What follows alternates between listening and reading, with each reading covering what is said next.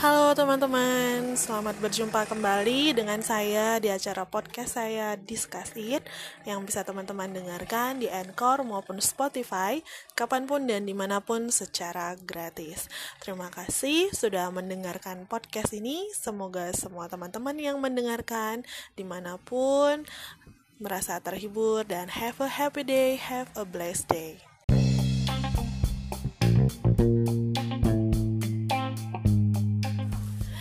Hai semua, selamat berjumpa kembali di sesi podcast saya uh, edisi baca buku bareng bukunya Pak Andrea Hirata yang berjudul Ordinary People, orang-orang biasa. Untuk yang udah kangen pengen dengar kelanjutan bab berikutnya dari buku ini.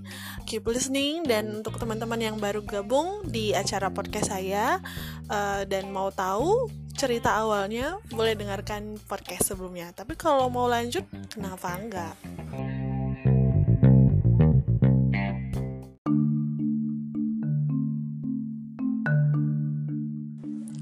Bab yang ke-11 tidaklah selamanya sulit. Hujan, kawan kesedihan dan pasangan kenangan. Termangu pula Inspektur Abdul Rojali dalam ironi waktu. Dulu, ketika setiap pagi mengantar putri sulungnya ke SMP, dia merasa selamanya putrinya akan menjadi anak SMP. Kini ironi waktu kembali mencungkir balikan perasaannya, yakni baru sehari ditinggal putri sulungnya itu macam bulat bundar waktu setahun dirasakannya. Inspektur telah mendengar kebijakan itu, bahwa orang-orang tua akan ditinggalkan anak-anak yang mereka sayangi melebihi apa pun di dunia ini Hendaklah tabah karena itu bagian dari mengapa bumi ini berputar. Namun, kiranya hal itu hanya mudah dalam perkataan. Sesak, demikian kenyataannya. Larut inspektur dalam hujan dan kerinduan yang tak tertahankan pada putrinya. Akhirnya hujan reda. Untuk meredakan perasaannya yang membiru sejak pagi tadi, inspektur memutuskan untuk melihat-lihat kota, semacam patroli ekstra di luar jadwal. Di engkolnya motor bebeknya, di play musik dangdut di HP, di boncengnya sersan muda PRB. Motor bebek melaju syahdu, melenggak-lenggok, meliuk-liuk di ganggang pasar. Sersan pun tak banyak cakap macam biasanya, karena tahu atasannya itu sedang keluh hatinya. Persis lagu-lagu dangdut gemulai dari HP kecil itu, lantaran dia rindu pada anaknya. Masuklah mereka ke kawasan pusat niaga di bundaran kota. Bukan main ramainya orang di toko batu mulia itu. Demam batu akik kian menjadi-jadi. Bisnis perhiasan Bastardin makin marak, yang otomatis makin marak pula bisnis pencucian uangnya. Kliennya bertambah. Bastardin, Jamin, dan Tarif sendiri tak tahu siapa kliennya itu. Semua melalui perantara yang telah khatam ilmu menilap duit negara. Uang yang semula datang sebulan sekali, kini datang setiap minggu. Belantik yang aman, naif tanpa dosa, nun di pulau kecil jauh dari ibu kota, tersilap dari ingar-bingar politik dan gosip-gosip infotainment, luput dari perhatian siapa pun, sangat ideal untuk mencuci uang. Dari luar, toko batu mulia tampak macam toko perhiasan biasa saja Pelang nama tokonya besar dan di dalamnya sangat terang. Banyak lampu neon panjang-panjang. Aneka perhiasan berjejer dalam kotak-kotak kaca. Emas, perak, zamrud, kecubung, rubi, galena, giok, mirah delima, intan, rupa-rupa kinyang yang indah atau yang berhasiat, berkilau-kilau membuat para penggemar batu mulia tergila-gila. Namun, sesungguhnya di balik deretan kotak-kotak kaca itu, ada ruang berdinding semen cor-coran yang tebalnya setengah meter yang takkan jebol di dinamit sekalipun. Ruang itu adalah berangkas dalam bentuk benteng Alamo. Kuncinya elektronik berteknologi tinggi. Di dunia ini hanya Bastardin yang tahu nomor kombinasinya. Di dalam ruang itulah meluap-luap uang haram yang datang seminggu sekali lewat pelabuhan kapal feri itu. Semuanya sangat rahasia. Bahkan satpam dan para pegawai toko tak tahu kalau ada uang dalam ruangan tadi. Sekuritinya tak mencolok agar tak menimbulkan curiga, padahal sangat canggih dirancang para ahli yang berpengalaman dalam kejahatan terorganisasi. Keamanannya ketat 24 jam. Bastardin sendiri berkantor di toko itu. Pengawas tak berkedip alias CCTV tersembunyi di berbagai sudut lekat mengikuti gerakan sekecil apa pun di dalam dan seputar toko. Apa pun yang terjadi dipantau di tempat rahasia secara wireless lewat sistem remote surveillance. Seputar ruang itu dipasang sensor gerak yang akan meraung-raung jika dilanggar. Tetapi bukan meraung di toko itu, melainkan di tempat rahasia tadi, nun di ibu kota. Dengan cepat, koordinasi dapat dilakukan dengan para security di lapangan yang dipimpin Bapak Gundul bermata kejam itu. Para security itu sendiri merupakan orang-orang profesional yang berkeliaran di sekitar toko batu mulia demi melindungi duit puluhan miliar dalam ruangan tadi. Mereka tak kentara, lumrah, awam, membaur biasa di antara publik. Namun, handy talkie dan sepucuk pistol kaliber 22 siap tembak senantiasa terselip di kaos kaki mereka.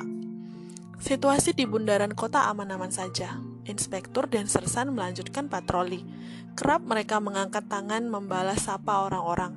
Warga kota Belantik yang murah senyum semakin gembira karena Agustus menjelang. Satu bulan yang paling meriah karena banyak acara. Akhirnya patroli selesai. Kembali kita ke kantor Sersan. Siap, kembali komandan. Inspektur membelokkan motor bebeknya. Saat itulah HP-nya berbunyi. Nada panggil lagu siksa kubur. Lekas inspektur minggir, lalu berhenti di pinggir jalan. Diambilnya HP dari saku baju dinas, dilihatnya layar, dan terkejut bukan main. Oh, oh, maaf, maaf, Sersan. Ada telepon dari anakku. Telepon dari anakku, Sersan. Siap, ada telepon komandan. Menyingkir inspektur ke bawah pohon bantan itu. Waalaikumsalam kakak. Aduh, bagaimana kabarmu? Baik-baik saja kah di sana? Bagaimana tempat tinggalmu? Sudah makan kah? Dari tadi pagi ayah menunggu teleponmu. Ayah tak menelepon, khawatir kau sedang ujian masuk sekolah perawat itu. Baik-baik ayah, aku baik-baik saja. Detik itu pula inspektur terkesiap, jantungnya berdetak-detak. Anaknya berkata baik-baik saja. Talian batin yang kuat dari nada suara anaknya, inspektur langsung tahu ada yang tak beres. Hening sejenak. Ada apa nak? Kakak diam saja, lalu terdengar suara lain. Rupanya guru yang mengantarnya itu mengambil alih bicara.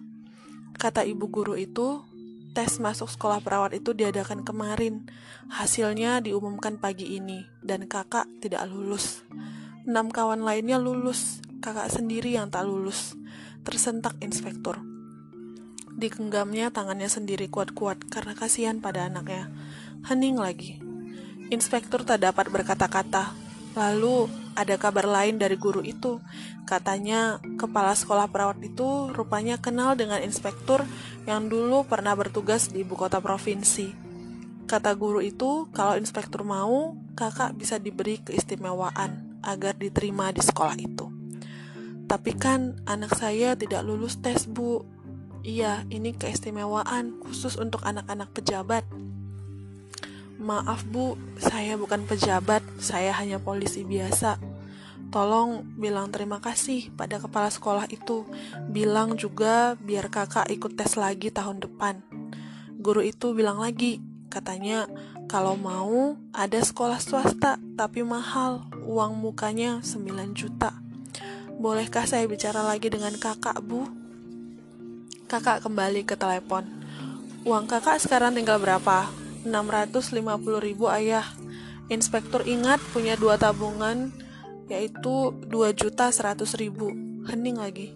Kata kakak, dia sangat ingin sekolah perawat. Dia sedih dan malu karena kawan-kawannya lulus tes, sedangkan dia sendiri yang gagal. Katanya kawan-kawannya itu adalah kawan-kawan terbaiknya. Cita-cita mereka sama sejak SD dulu, mau jadi perawat. Dia tak mau berpisah dari kawan-kawannya itu kakak bisa masuk SMA di sana. Jadi masih satu kota dengan kawan-kawan kakak itu, saran inspektur. Kakak bilang saingan masuk SMA yang bagus juga berat dan akan sulit masuk karena sistem rayon. Setahu ayah, di sana ada STM yang tak perlu tes. Kakak bebas pilih jurusan, jurusan mesin, listrik, bangunan, atau jurusan bengkel bubut.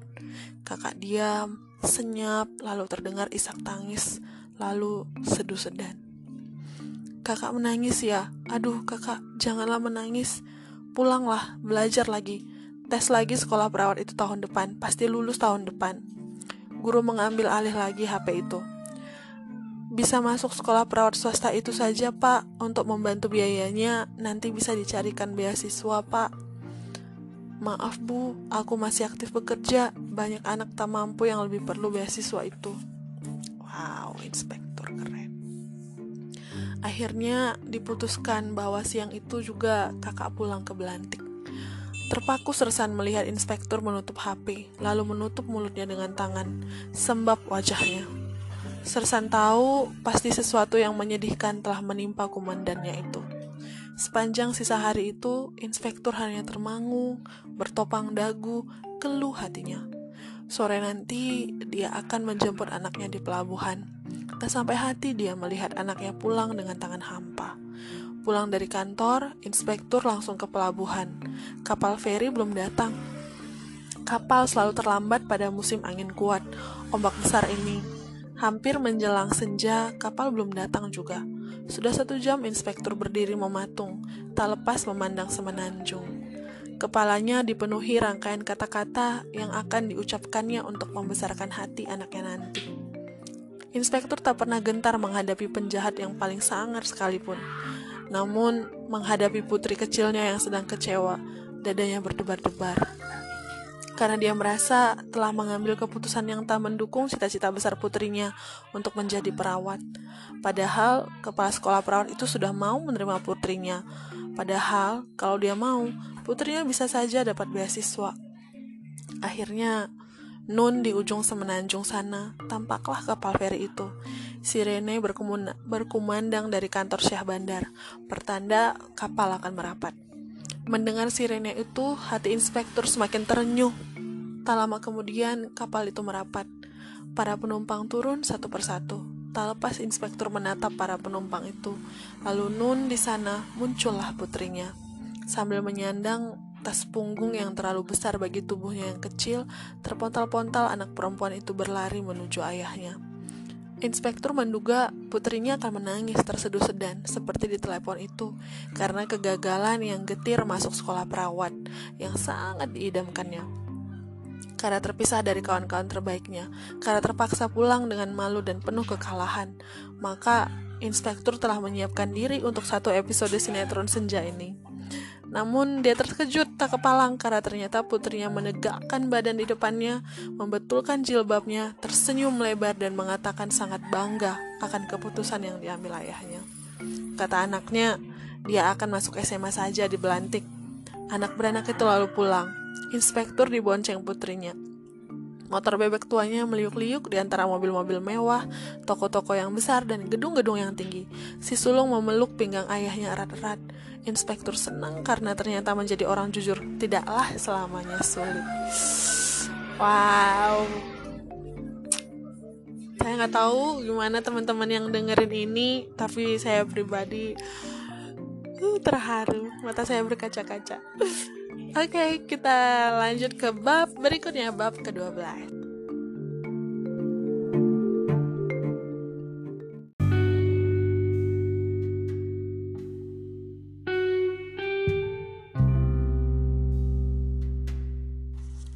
Di mana semua uang di dunia ini berada?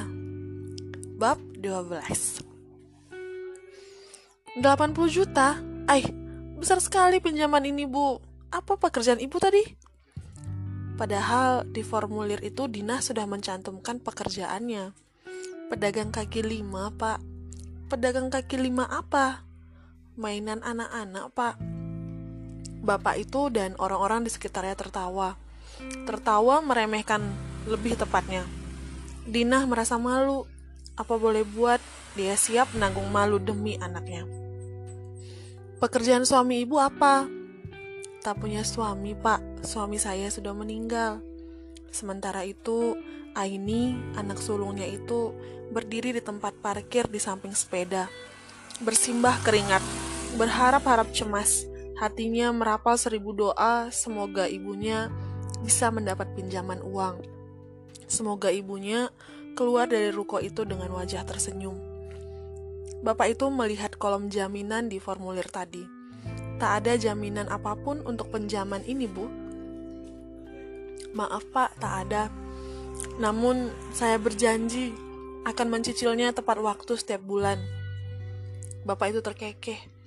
Hanya dari berjualan mainan anak-anak di kaki lima sampai kiamat tiga kali, ibu tak akan mendapat melunasi pinjaman ini, bu. Tertawa lagi orang-orang di sekitar situ. Dina semakin malu. Untuk apa uang sebanyak itu, bu? Untuk uang pendaftaran dan uang muka kuliah anak saya, pak. Jah, kuliah apa semahal itu?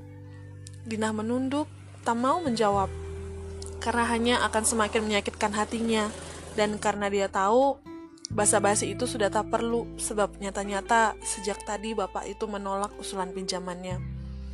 Aini kembali kecewa melihat ibunya keluar dari ruko itu dengan wajah sembab sambil menggeleng-geleng. Ini adalah koperasi simpan pinjam kelima atau terakhir yang telah mereka datangi. Dan semua menolak usulan pinjaman dari ibunya. Kemarin mereka mendatangi semua bank, kecuali sebuah bank yang sangat megah. Banyak kacanya, yang masuk ke dalamnya saja mereka sungkan, apalagi untuk meminjam uang. Seluruh bank itu pun telah menolak usul pinjaman Dina.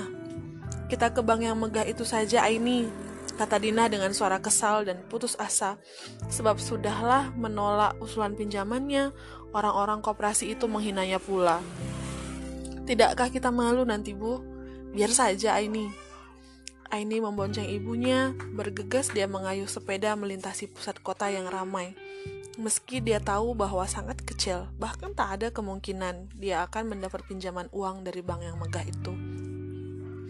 Tak lama kemudian, Dina telah berada dalam bank itu. Aini menemani ibunya agar ibunya tak menanggung malu sendirian. Dari balik dinding kaca yang besar, Ibu Atika melihat dua perempuan berpakaian sangat sederhana, satu dewasa dan satu remaja, duduk berimpit di depan petugas bank lainnya. Tak lama kemudian dilihatnya kedua perempuan itu melangkah pergi dengan wajah tertunduk. Rupanya hujan berputar ke kanan, seperti jarum-jarum jam di bundaran kota, yang juga telah rusak sejak dangdut masih bernama Irama Melajoy. Semula hujan datang sekali-sekali waktu pagi, berdesir halus bersama semilir angin, lalu datang menjelang siang dengan bala tentara yang lebih besar. Dan malam ini, saat putri sulung inspektur telah kembali ke rumah, hujan turun dengan armada penuh, tak henti mengguyur belantik hingga pagi. Setelah itu, hujan turun tak pernah kecil. Penduduk Belantik menyukai hujan karena setelah hujan, segala hal tampak lebih bersih dan sepakat untuk berdamai. Kecuali Ibu Atika. Dia tak sudi, benci, bahkan murka pada hujan, karena saat hujanlah dulu dia menangkap basah kelakuan suaminya itu. Ingat benar dia waktu itu, dia berpayung sendiri. Nun di seberang jalan sana, suaminya berpayung dengan perempuan itu. Berlari-lari kecil, berkecipak sambil cekikikan. Sudah cukup sinetronkah semua itu? Belum. Baiklah, Ibu Atika membuang payungnya sendiri, lalu menangis manggil-manggil suaminya, namun suaranya terlamun debur hujan. Teganya, setelah segala yang kita lalui bersama, lupakah akan janji-janjimu dulu? Ibu Atika semakin keluh karena tak ada siapa-siapa untuk berbagi rasa. Dia memang bukan tipe orang yang suka mengumbar-umbar masalah pribadinya, dan dia lelah selalu berusaha gembira di depan kedua putrinya. Kesedihan yang berlarut-larut itu lalu menerbitkan gagasan-gagasan yang putus asa. Kini, jika menyetir, kerap dia membayangkan melarikan mobilnya dalam kecepatan maksimum yang ditunjukkan speedometer itu. 200 km per jam, dan biarlah mobilnya terbang, lalu terjun ke sungai Linggang. Berbeda dengan keadaan 10 kacung kampret itu. Tidak seperti Bu Atika, mereka sangat menyukai hujan, sebab jika hujan, tidur lebih enak, dan mereka adalah para pencurah perasaan. Aneh, dalam perjalanan waktu, debut Awaludin menjelma menjadi orang tempat mereka berkeluh kesah.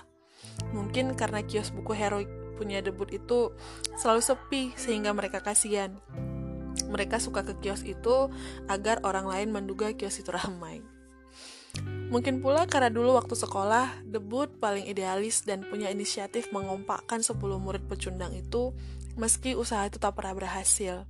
Bahkan hingga dewasa sekarang, kawan-kawannya itu masih selalu bertengkar, hina menghina, tuduh menuduh.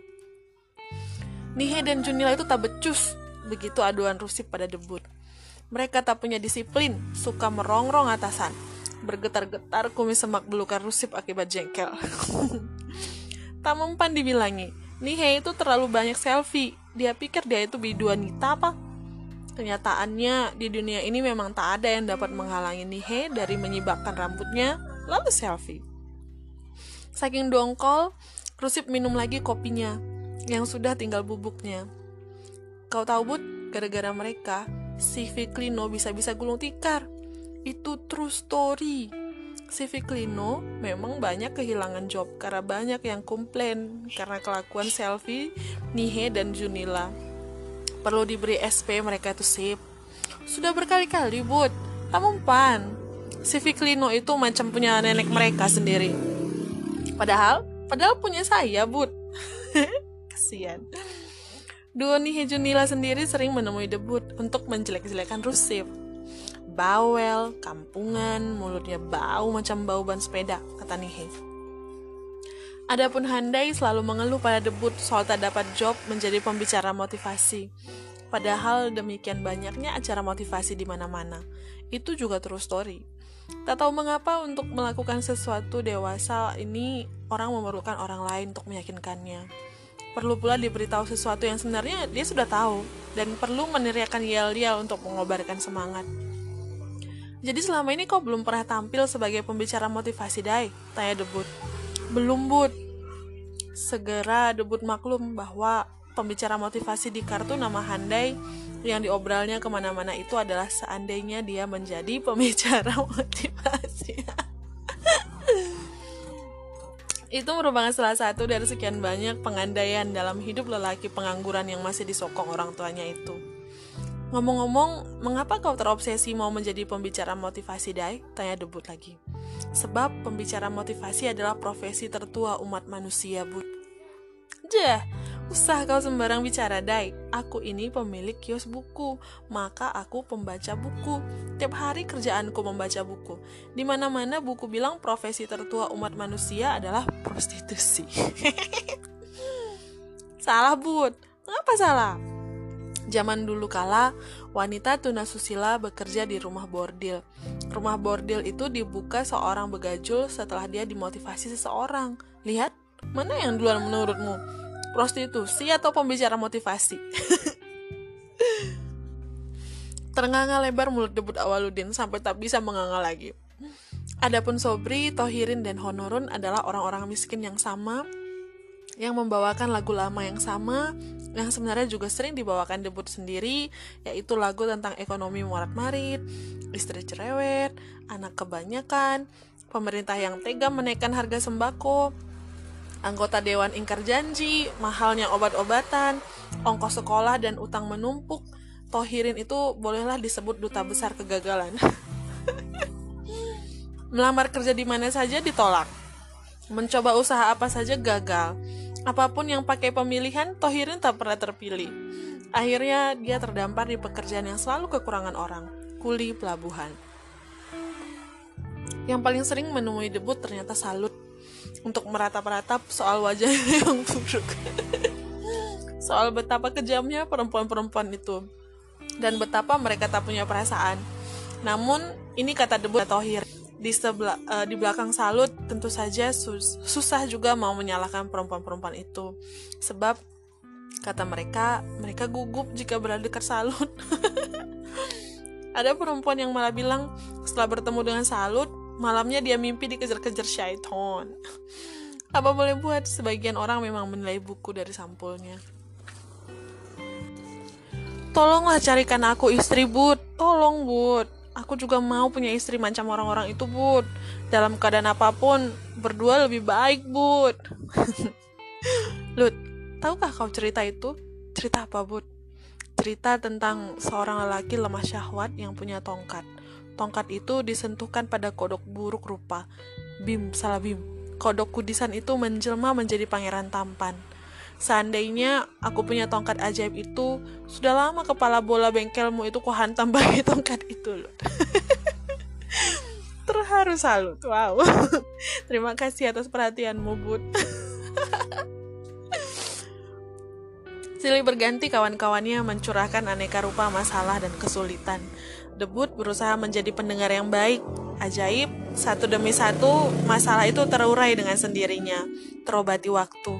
Tadi singgung lagi atau pasang badan ditanggungkan saja dengan getir, kecuali satu masalah pelik ini.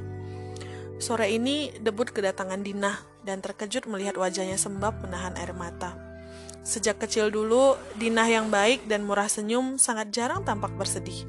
Bahkan pontang-panting di uber-uber polisi Pamung Praja karena berjualan mainan anak-anak di sembarang tempat, masih sempat-sempatnya dia tersenyum. Di antara sepuluh pecundang itu, Dinah pula yang paling tak suka mengeluh. Maka kali ini masalah yang dihadapinya pasti sangat runyam. Aih, ada apa kawanku Dinah? Mengapa mendung begitu? Tanya debut. Dan benar dugaannya, Masalah yang dihadapi Dina ternyata memang unik sekaligus sangat pelik, yakni Aini, putri sulungnya itu, telah lulus tes masuk Fakultas Kedokteran Universitas Negeri ternama. Namun, Dina tak punya uang untuk mendaftarkannya. Ternganga lebar mulut debut. Fakultas Kedokteran katamu, Dina? Apa aku tak salah dengar? Iya, Bud, kau tak salah dengar. Fakultas Kedokteran. Berarti lulusnya nanti jadi dokter, Dina. Jadi dokter, Bud. Dinah memperlihatkan surat penerimaan itu serta ijazah Aini yang bertabur nilai-nilai yang tinggi. Nilai matematika malah 100 sempurna. Terbelalak debut melihatnya. Sebentar, sebentar. Aku mau bertanya, apakah kau ini, Dinah? Mardina binti Mardika? Iya, Bud, aku ini Mardina binti Mardika. Bagaimana mungkin, Dinah, kau yang dulu suka dihukum berdiri di depan kelas oleh ibu desimal karena kali kali kalian saja tak becus bisa punya anak secerdas itu. Aku pun heran, Bud. Aduh, merinding aku, Dina. Ini prestasi luar biasa. Dina, ini hal terbaik dalam 20 tahun kita berkawan. Anak pedagang mainan anak-anak, dakocan, ya. Balon pencet, onyet-onyetan, ngengok-ngengok di pinggir jalan, kerap di uber-uber polisi Pamung Praja, masuk fakultas kedokteran Universitas Negeri ternama. Hebat, hebat sekali. Selamat, selamat Dina. Dina tertunduk dalam, lalu bilang lagi soal uang pendaftaran itu. Katanya mustahil dia dapat membayar uang muka dan uang kuliah fakultas kedokteran itu. Sekedar membeli beras saja dia berutang. Anakmu harus masuk fakultas kedokteran itu, Dina. Anak yang cerdas, kesia-siaan yang besar kalau Ainita kuliah. Dina menatap debut, berkaca-kaca matanya. Iya bud, dia pun tak mau sekolah lain. Kusarankan dia ikut kursus menjahit saja, dia tak mau. Katanya dia mau menjadi dokter ahli, karena dia mau tahu penyakit ayahnya dulu dan penyakit adiknya sekarang. Ternyata sekolah dokter itu mahal sekali, Bud. Aku baru tahu kalau orang miskin tak bisa masuk fakultas kedokteran. Debut yang idealis jengkel. Aku sudah tahu itu dari dulu, nah. Kita belum merdeka dalam pendidikan kita sekolah masih macam orang terjajah. Aku sudah berusaha mencari-cari cara, semua jalan buntu but. Sebenarnya aku pun tak tega kalau Aini tak dapat masuk sekolah kedokteran. Tiga tahun dia belajar mati-matian untuk itu. Minjam uang pada keluarga? Saran debut. Tak ada keluarga yang mampu, Bud. Semua orang susah, jawab Dinah pelan. Minjam uang pada kawan? Dinah menatap debut kawan akrabnya itu dengan tatapan kosong. Minjam uang di koperasi, semua koperasi menolak, Bud. Minjam uang di bank. Tak punya jaminan, rumah saja ngontrak, semua bank menolak. Suara Dinah makin pelan. Beasiswa. Ada sedikit beasiswa, terlalu banyak peminatnya. Bahkan anak-anak orang kaya berebut mencari beasiswa. Menggeleng-geleng debut. Minta keringanan pada universitas. Sudah minta keringanan, hanya diringankan satu juta. Tak dapat Dinah menahan perasaannya, mengalir air matanya. Ini tak bisa dibiarkan begitu saja. Di mana semua uang di dunia ini berada, Dinah? Sebuah pertanyaan retorik. Di mana semua uang di dunia ini berada? Tak tahulah aku, Bud. semua uang di dunia ini ada di bank. Anakmu harus masuk fakultas kedokteran itu. Apa pun yang akan terjadi, seorang ibu rela memotong tangan demi anaknya Hapus air matamu, Dinah. Siapkan dirimu. Siapkan dirimu baik-baik, karena kita akan merampok bank itu. Nah, sidang pembaca nan budiman, dari sinilah sesungguhnya kisah ini dimulai.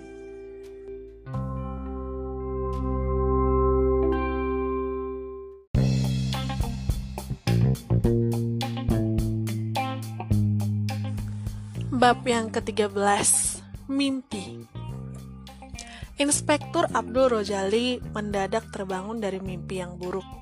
Persis seperti di film-film, jika orang terbangun karena mimpi buruk, nafas memburu, keringat bersimbah. Diliriknya jam dinding pukul 1 pagi. Dalam hatinya, apakah ini pukul 1 siang atau malam? Bertanya-tanya inspektur dalam hati. Dilihatnya istrinya mendengkur di sampingnya. Oh, pukul satu malam berarti. Sesungguhnya bukanlah tadi mimpi yang buruk, melainkan mimpi yang ganjil lebih tepatnya. Dalam mimpi itu, inspektur terlibat baku tembak melawan para perampok. Setelah memuntahkan paling tidak 6 peluru dari revolver inventarisnya yang memang hanya berisi 6 peluru, situasi inspektur menjadi genting sebab tak sempat mengisi peluru lagi karena perampok sudah ada di situ. Sekonyong-konyong, lewat satu gerakan koprol yang sangat heroik, sersan muda PRB hadir untuk melindungi inspekturnya. Gencar bukan kepalang dia menembaki perampok. Loloslah komandannya itu dari keadaan yang mengancam jiwa. Namun, inspektur heran melihat tubuh sersan, jangkung, ramping, dan atletis, tak tambun macam biasanya. Rambutnya juga bagus, gaya masa kini. Sersan menoleh, ternyata dia bukan sersan PRB, dia adalah Syahrukan. Namanya penggemar sama idola. Bukan baru sekali itu inspektur berjumpa dengan Syahrukan dalam mimpi. Kapan hari dia bermimpi tampil bernyanyi dangdut diiringi organ tunggal, di tengah syahdu-syahdunya menyanyikan lagu siksa kubur, inspektur menoleh ke belakang dan kaget bukan kepalang. Pemain organ tunggal itu ternyata Syahrukan. Oke. Okay. Di alam mimpinya, inspektur telah bertemu Syahrukan dalam berbagai penjelmaan, sebagai montir motor, sebagai penjual HP second, sebagai guru matematika. Mungkin karena bidang-bidang itu memang kerap bersinggungan dengan hidupnya. Motor bebek tahun 80-annya sering mogok sekehendak hatinya tanpa alasan yang masuk akal. HP-nya second dan waktu sekolah dia mengharukan di bidang matematika. Yang paling sering terjadi adalah inspektur bermimpi mengejar Syarukan bersama banyak penggemar lainnya untuk minta foto dan tanda tangan. Namun, pernah pula dia bermimpi dikejar-kejar Syarukan yang mau minta foto dan tanda tangan inspektur. Mimpi-mimpi itu tak pernah dihiraukannya, semata lena bunga tiru saja. Namun, aneh, untuk kali pertama dalam mimpi semalam, inspektur merasa Syarukan berusaha mengatakan sesuatu padanya. Apakah yang ingin kau katakan padaku, Mr. Khan? Tanya inspektur pada poster idolanya itu, yang tertempel di samping cermin pagi-pagi esoknya saat dia mau berangkat kerja. Atau ada yang ingin kau laporkan? Aneh lagi, sepanjang hari inspektur terus dihantui mimpi itu dan semakin dicobanya untuk menafsirkan mimpi itu, semakin dia tak mengerti saat itu, tak sedikit pun disadarinya bahwa mimpi itu akan menjadi awal keterlibatannya dalam kasus kejahatan yang paling ganjil, penuh intrik dan misteri yang pernah ditemuinya selama menjadi penegak hukum. Bahkan, penulis skenario film Hollywood sekalipun mungkin tak pernah terpikir akan kejahatan semacam itu.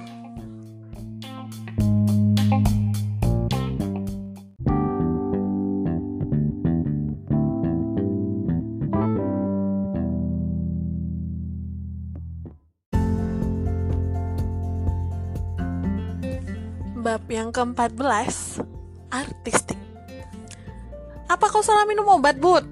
Kita memang bodoh Kita memang miskin Tapi kita bukan pencuri Demikian reaksi Dina waktu debut menemuinya lagi siang itu dan mengatakan serius soal rencana merampok bank itu.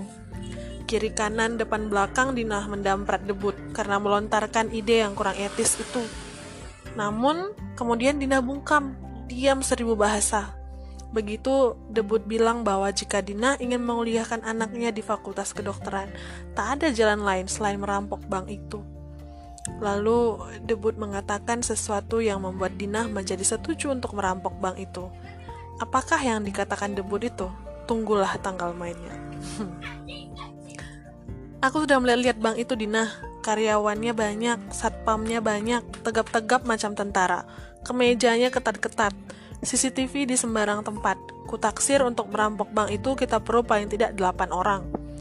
Dari seluruh umat manusia di dunia ini, mereka hanya percaya pada sahabat masa kecil, yakni pecundang di sekolah dulu, para penghuni bangku belakang. Singkat cerita, sore itu debut mengumpulkan mantan penghuni bangku belakang itu di kios bukunya. Namun, hanya 8 orang, bukan 10 macam biasanya. Debut tak mengajak Sobri atas pertimbangan intelektual, sebab IQ-nya tiarap, takut kacau rencana. Adapun Salut tak diajak atas pertimbangan facial. Wajah hancurnya itu dengan gampang dapat dikenali. Tanpa banyak basa-basi, Debut langsung menyampaikan tujuan pertemuan itu. Kawan-kawannya terkejut bukan buatan, sambil memandang Dina dengan pandangan tak percaya. Dina mengangkat bahunya. Seperti dialami debut kemarin, mereka heran. Bagaimana mungkin Dina yang dulu bertabur angka merah di rapornya langganan tetap kena hukum? Guru matematika ibu desimal karena bodoh minta ampun bisa punya anak jenius. Sungguh tak adil di dunia ini. Sebelum kutawarkan kesempatan merampok ini kuingatkan lagi kalian. Kita tak pernah berurusan dengan hukum. Kita tak punya pengalaman mencuri. Kita tak tahu cara menghadapi polisi. Jadi sangat mungkin kita tertangkap.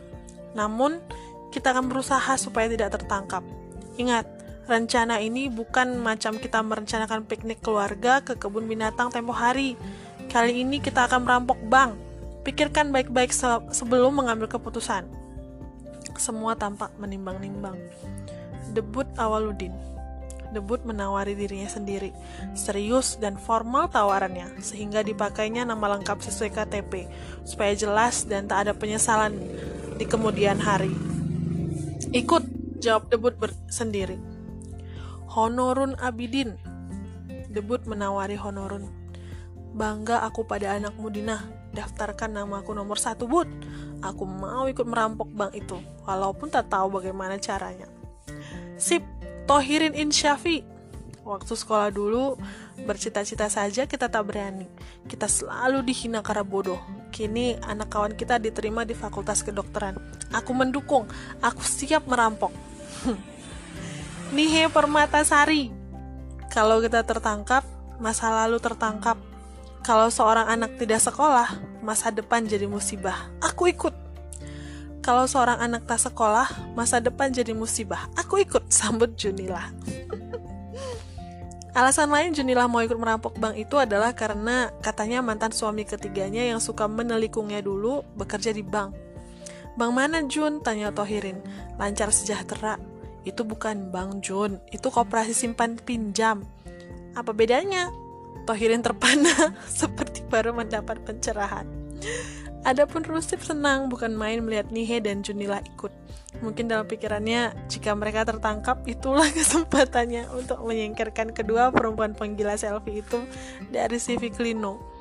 Padahal jika mereka tertangkap, berarti dia juga tertangkap. Pikiran Rusif tak sampai ke situ. Rusip munasib.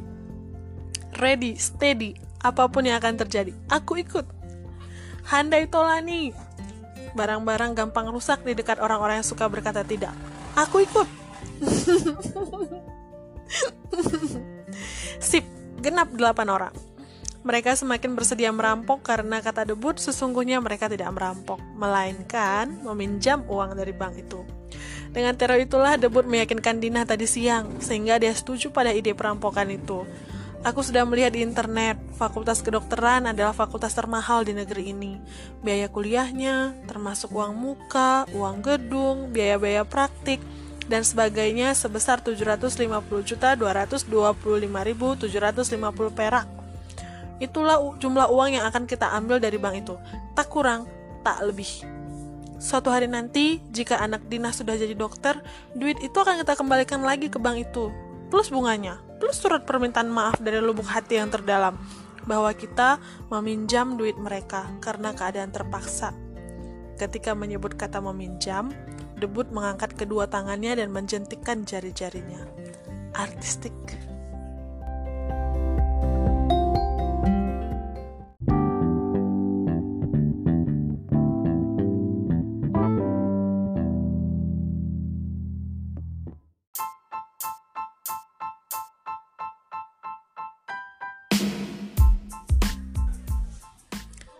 Bab yang ke-15 dan ini akan menjadi bab yang terakhir yang akan saya bacakan hari ini.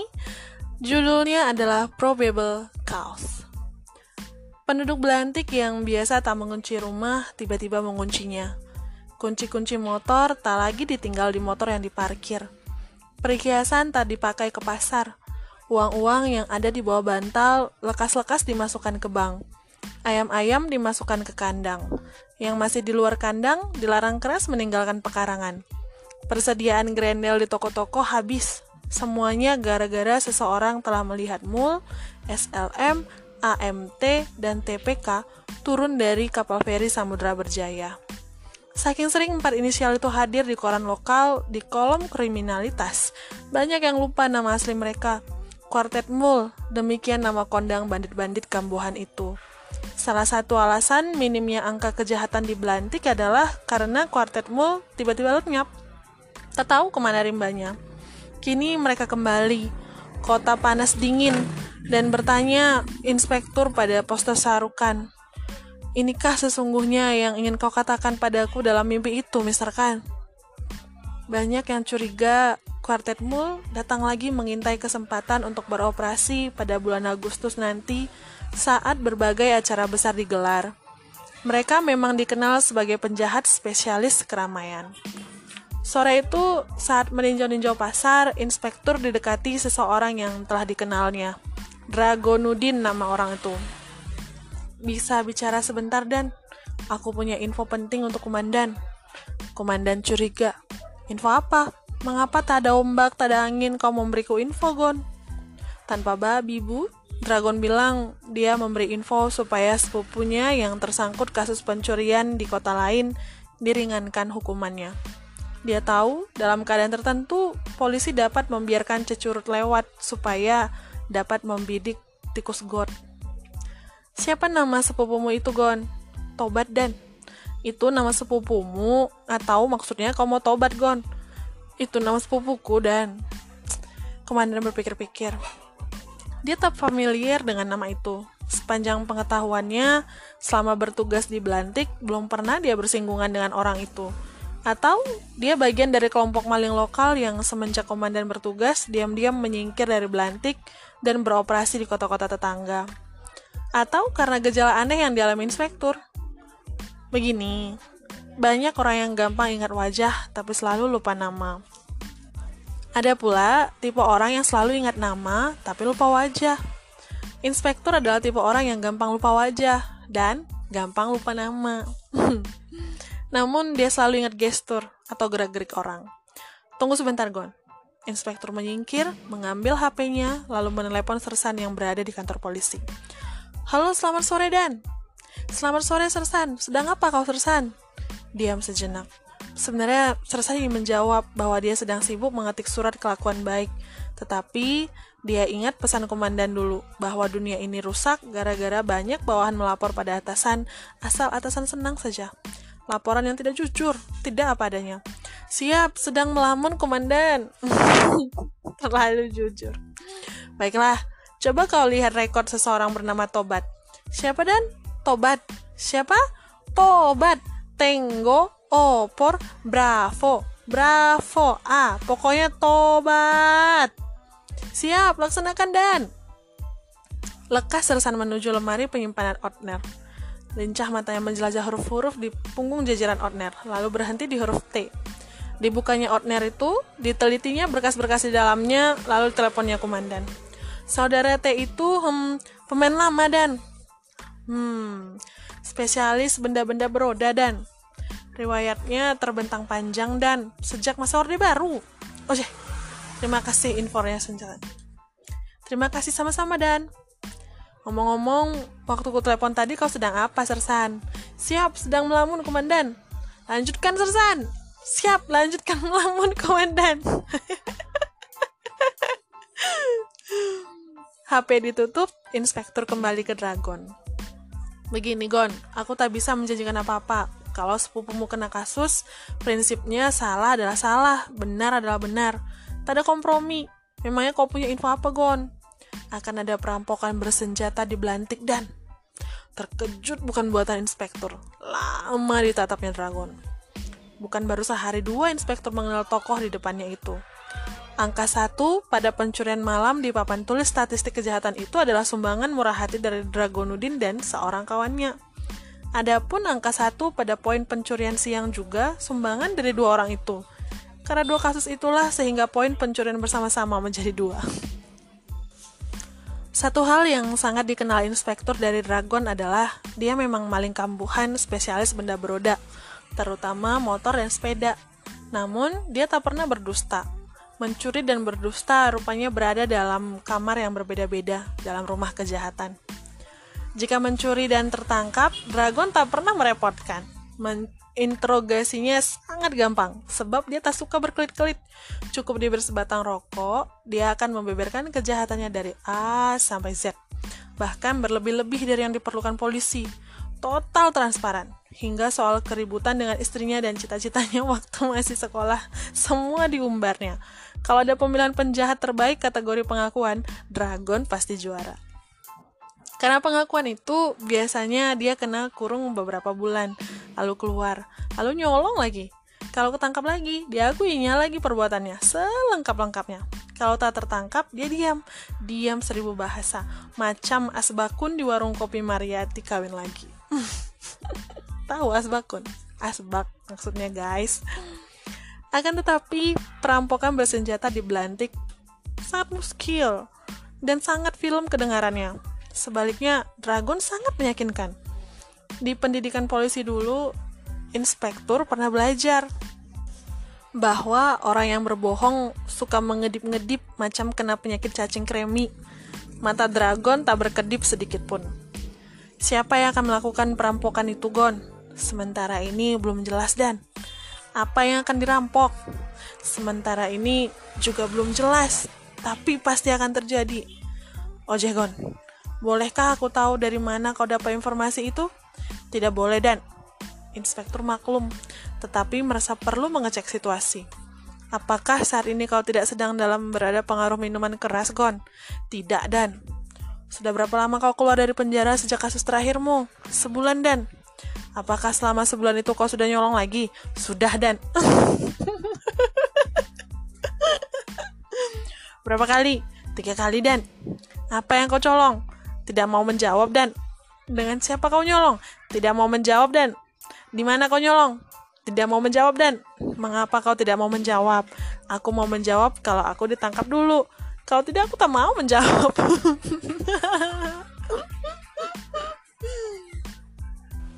Geram bukan main inspektur.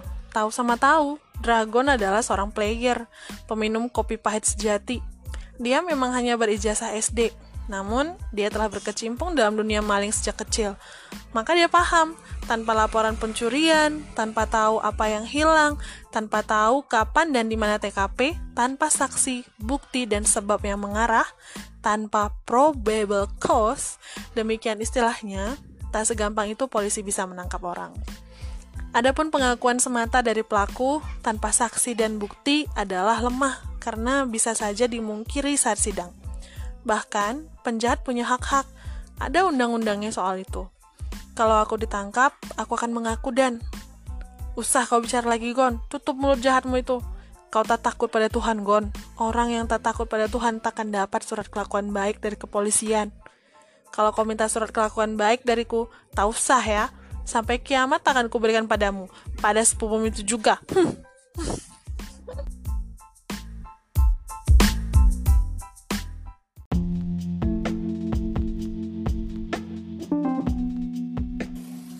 Ya itu tadi dia teman-teman edisi baca buku bareng bukunya Pak Andrea Hirata Ordinary People orang-orang biasa uh, bab 11 sampai bab 15. Untuk teman-teman yang masih penasaran uh, gimana sih kelanjutan kisah 10 sekawan dengan inspektur dan uh, teman-teman lain yang ada di kisah dalam novel fiksi ini, teman-teman pantengin terus podcast saya dan untuk teman-teman yang mungkin mau memberikan saran, masukan, kritik, everything, please kindly send me your voice note and I will really grateful to receive it.